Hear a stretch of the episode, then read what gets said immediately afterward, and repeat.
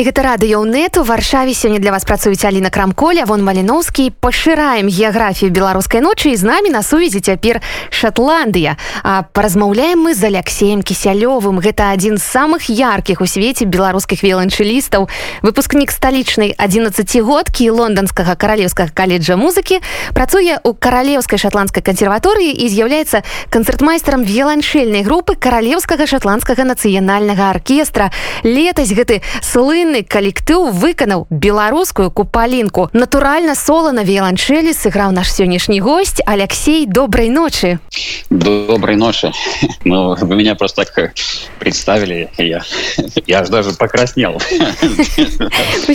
сидя в шотландии засмущался эм, эм, ну да э, это действительно такое э, было мы сыграли куполинку э, в декабре если так уже говорить в целом о проекте то поскольку вот этот сезон который который, конечно же, проходит в рамках онлайн. Он должен был проходить живьем. Если бы не пандемия, конечно, у нас были бы концерты. И в этом сезоне, вот 2020-2021 год, у нас э, несколько программ нашего оркестра, они связаны непосредственно с Польшей.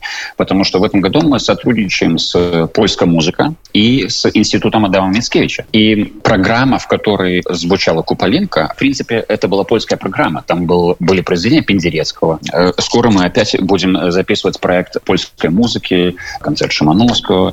Вот. И, э, в принципе, вот такой разговор уже как бы начался между руководством нашего оркестра и представителями вот этих польских организаций, которые я назвал, э, что, может быть, как-то оркестр мог показать какой-то, может быть, знак солидарности белорусскому народу в связи с событиями, которые были в августе. И оркестр так подумал, ну какой знак солидарности это может быть, если только не музыка. И поэтому мы как-то вот э, первое, что им пришло в голову, это, ну конечно же, у нас есть Алексей, вот он э, белорус, и э, как бы речь шла о том, чтобы я сыграл какие-то, может быть, произведения белорусских композиторов на виолончели, вот, или, может быть, на виолончели с оркестром. Но потом как-то мы решили подойти к этому более творчески и сделать из этого такой э, проект, где будет написано произведение. И, собственно, так вот и получилось, что было написано произведение, три белорусские народные песни. И почему, вот я говорю написано, потому что это, конечно, белорусские э, фольклорные песни, three Belarusian folk songs. Но почему написано? Потому что это скорее не аранжировка, а именно композиция, потому что автору были даны вот первые две песни. Первая называется «Летели журавли», э, вторая «Что и по мору», и в конце это «Куполинка». Э, вот первые две, они исключительно фольклорные. И у композитора была буквально одна строчка, это мелодия, а он просто взял и из этого сделал целое, целое произведение. И третья часть — это «Куполинка». Вот, и, конечно же, почему «Куполинка»? Ну, я не знаю, мне кажется, она говорит сама за себя. Алексей, а вось скажите, калі ласка, купалінка ўзнікла як інтэрпрэтацыя народнай культуры і наогул ваш твор музычны таксама ўзнік як інтэрпрэтацыя народнай культуры. А вось Шотландыя наогул у мяне асабіста асацыюецца з такім ну даволі моцным таксама культурным народным уплывам гэтыя славутыя шотландскія дуды, напрыклад, якія суправаджаюць усе афіцыйныя цырымоніі ў Великабрытаніі так. І вось вось ці вам не здаецца, што гэта тое вось інтэрпрэтацыя народнай культуры гэта тое што чымсьці прыпадабняе нас і шотландцаў у меня э, даже иногда была параллель между, например, Россией и Белоруссией есть, да, и есть вот Англия и Шотландия. У них, я, я не знаю, как, э, может быть, это не совсем корректно такую параллель проводить, но почему-то она у меня возникала. Даже вот, кстати, это меня сейчас на, на воспоминания э, в Купаловском театре я ходил на один спектакль, который назывался Translations. И этот спектакль был о том, как, э, как вводилась английская речь в Ирландии. И в этом спектакле англичане говорили по-русски, а ирландцы говорили по-белорусски. Мне просто это вот запомнилось. Ну да, вернемся к вашему вопросу интересному насчет культуры. Эм, да, Шотландия, даже будучи э, вот в Соединенном Королевстве, она сохранила э, свои традиции, свою, свою культуру, волынки, их, их э, танцы народные, кейл называется, которые танцуют на свадьбах. Народная музыка здесь, фолк шотландский, здесь можно вот пойти, когда пабы были открыты, можно было пойти там и, и послушать. Музыканты просто приходили, и играли народную музыку около камина с бокальчиком виски.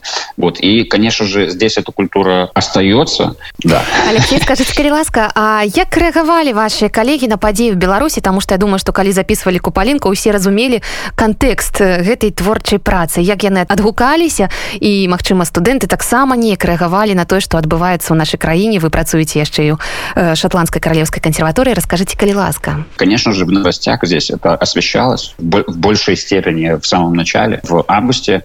И все в новостях видели, что происходит. И даже в большей степени шотландцы, они ко мне подходили и просто с сопереживанием как-то просто высказывали какие-то слова поддержки и как бы с пониманием относились к тому, что происходит в Беларуси. Просто ну, меня это действительно поражало. Как бы в какой-то другой стране что-то происходит, какое им бы до, до этого дела. Но с другой стороны, как бы вот они так с пониманием и с переживанием к этому отнеслись. И даже когда вот мы этот проект записывали, э, вот эти песни, то видно было, что музыканты, когда они играют, они не просто играют это как прийти на работу, там поиграть, а вот действительно с уважением к проекту, уважением к белорусскому народу. Вот. И это, конечно, тоже было очень приятно. И поддержка чувствовалась от, э, от, от всех музыкантов. Вот. Что касается студентов, конечно же, в связи с тем, э, что пандемия, и мои студенты, они просто даже не в Шотландии, они просто уехали к себе в страну обратно, и, и мы с ними занимаемся в Zoom. Вот. И это, конечно же, для них это катастрофа. И мы, конечно, с ними на политические темы того, что происходит у меня в стране, не разговариваем. Перед усім, як мы паслухаем купалінку, скажите, калі ласка, я так разумею, што гісторыя аркестра яна налічвае не дзесяцігоддзі, а стагоддзі і ці можна сказаць, што гэта такое першае вялікае звяртанне каралеўскага нацыянальнага шотландскага аркестра да беларускай тэмы да беларускага рэпертуару? Э, да, безусловно. Да, вот за... мы, кстати, недавно праздновали 125-летие э, оркестра. Э, нам даже понадобилось два сезона подряд, чтобы это отпраздновать. Вот, что мы с, с успехом сделали. Обращение к белорусской музыке это было впервые, да. Для меня отличительная черта этого проекта это то, что все произошло в, в одной организации. У нас был э, наш композитор, собственно, у нас э, был оркестр, э, солист, который я, он тоже в оркестре. Э, все, что записали мы, все это на аудио, на видео, в нашем концертном зале с нашей аппаратурой, с нашими специалистами звукозаписи и видеомонтажа. И потом все это выпустилось в нашым же онлайн-формаце, так сказаць. Паслухаем купалінку. Я перакананая, што яе трэба слухаць цалкам, хоць э, скажем так па сучасных радыйных мерках не фармат, амаль 10 хвілін, але 10 хвілін ну літаральна, што гіпнозу нашага беларускага ў выкананні Алексея Кісялёва і нацыянальнага каралеўскага аркестра Шатландыі.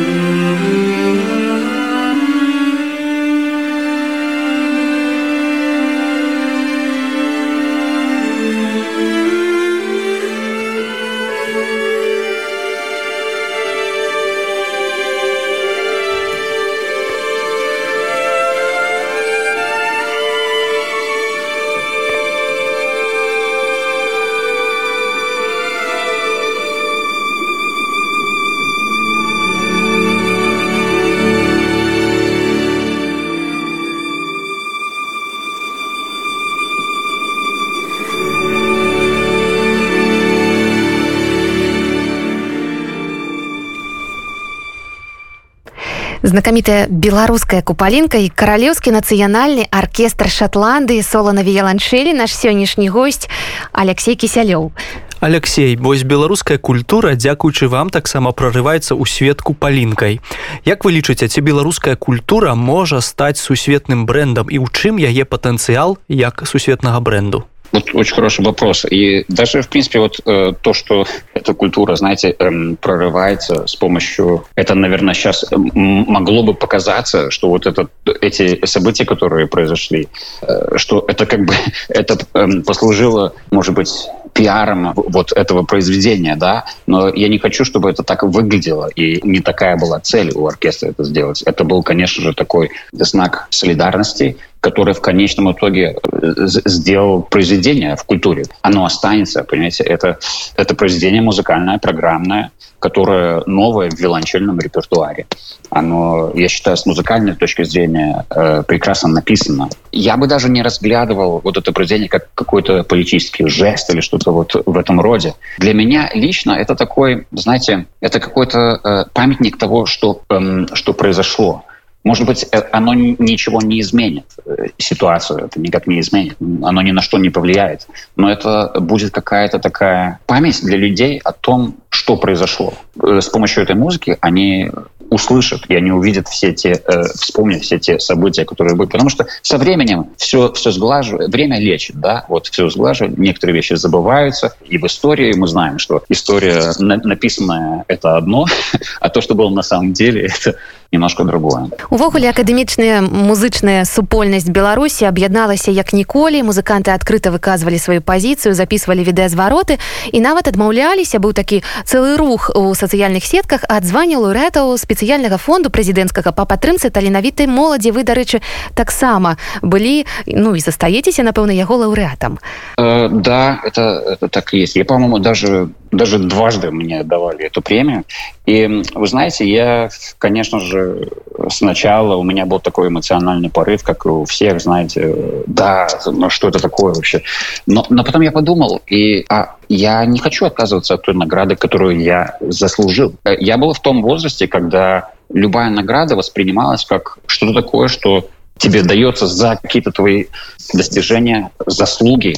И я действительно в детстве, я не могу сказать, что я там плохо учился или я плохо работал, потому что э, концертная деятельность Владимира Павловича в классе начинается с ранних лет. Владимир Павлович Перлин, э, мой учитель первый э, в Минске.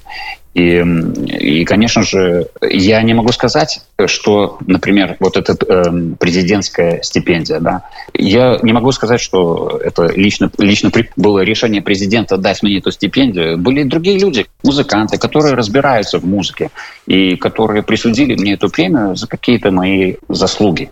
И я здесь не вижу этой связи. А что касается, может быть, какого-то такого э, денежного, то там э, это были какие-то очень маленькие деньги. И потом потом не, даже из стипендий их все равно забрали обратно по 50 или по, по сколько процентов из стипендий вычисляли на строительство национальной библиотеки. А як вы адчуваеце падтрымку шотландскай дзяржавы і Великабрытаніі і Шотландыі уладаў Шотланды асабліва падтрымку і стаўленне да.